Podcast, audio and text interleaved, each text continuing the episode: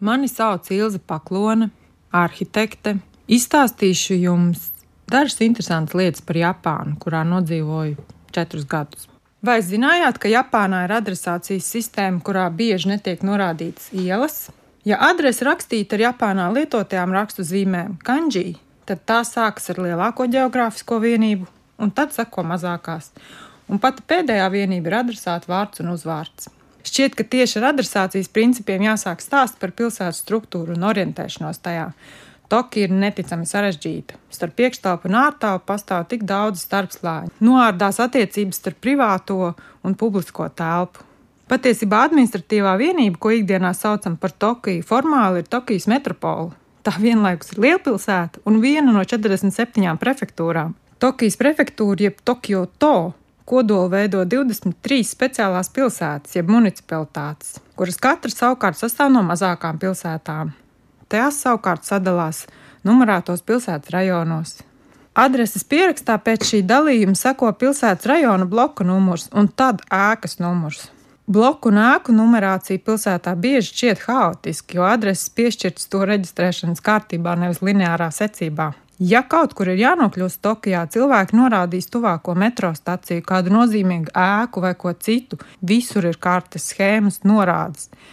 Kartēs ziemeļi nevienmēr ir augšā, kā pierasts redzēt šeit. Karte ir novietota tā, kā stāv skatītājs.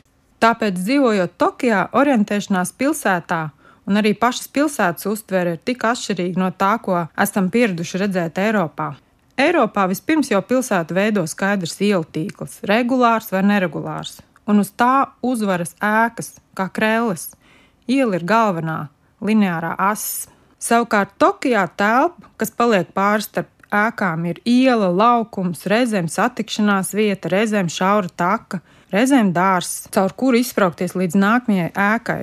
Starp ēkām vienmēr ir atstatumi - lielāki, mazāki, šaurāki vai platāki ugunsdrošības dēļ. Rīgā savukārt visbiežāk ēkas ir bloķētas viena ar otru un nav šādu atstatumu. Tokijā ēkas un atstatumi kļūst par tādiem kā labirintiem, par tādiem kā kvadrātkodiem, ja tā vispār var salīdzināt. Katrs pilsētas bloks ir šāds labirints, un katrai tā ēkai ir numurs. Sākumā es vienmēr maldījos un zīmēju sev kartes blociņā, ja bija kur jānokļūst, sevišķi, ja bija jānokļūst kāda labirinta centrā.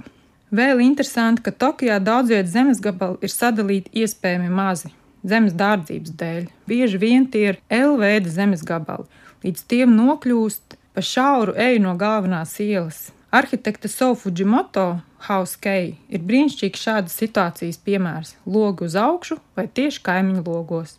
Protams, Tokijā ir arī ielas, un reizēm ielu nosaukums liek to sākumā, kā vārtus ar nosaukumiem. Tieši šī iemesla dēļ Pilnīgi noteikti sākumā es vienmēr maldījos un gāju nepareizā virzienā, jo pierasts ielu nosaukums redzēt tomēr sev sānos. Kad gāju gar Omote Sando ielas, Japāņu arhitektu un rietumu grandu paraugu celtnēm, vienmēr iedomājos, jā, šis kādreiz ir bijis procesītu ceļš uz vecāko un lielāko sintoistu templi Tokijā. Šeit lūk savukārt Nihonbašī tilta vieta no Hirošigas simt edo skatiem, Tagad zemes taupīšanas nolūkos ūdensteces līnijai precīzi seko pāri uzbūvēta automaģistrāla. Tomēr tā ir dīvaina sajūta, kad var sajust vēsturi pilsētā. Lūk, šīs šaurās ieliņas platums balstīts senā izmēru sistēmā. Lūk, te Fujimizaka, vienīgā vieta Tokijā, uz kuru pavaras ēku neaizsakts skats uz Fudziju kalnu, kas tūlīt gan tiks aizklāts ar jaunu apbūvi. Pirmskara Tokijā Fudzija kalnu varētu redzēt gandrīz no katra skatu punkta, un kalns bijis nozīmīga pilsētas ainavas sastāvdaļa. Ja lūkosiet kādus senus gleznojumus vai zīmējumus par Tokiju, Fudzija kalnu vienmēr redzēsiet ielas skatos fonā. Tagad gan pār Tokijas siluetu dominē Tokio Tower un nesen atklātais Tokio Skytree. Tagad visos foto gribot negribot iesprāstīts kāds no šiem torņiem.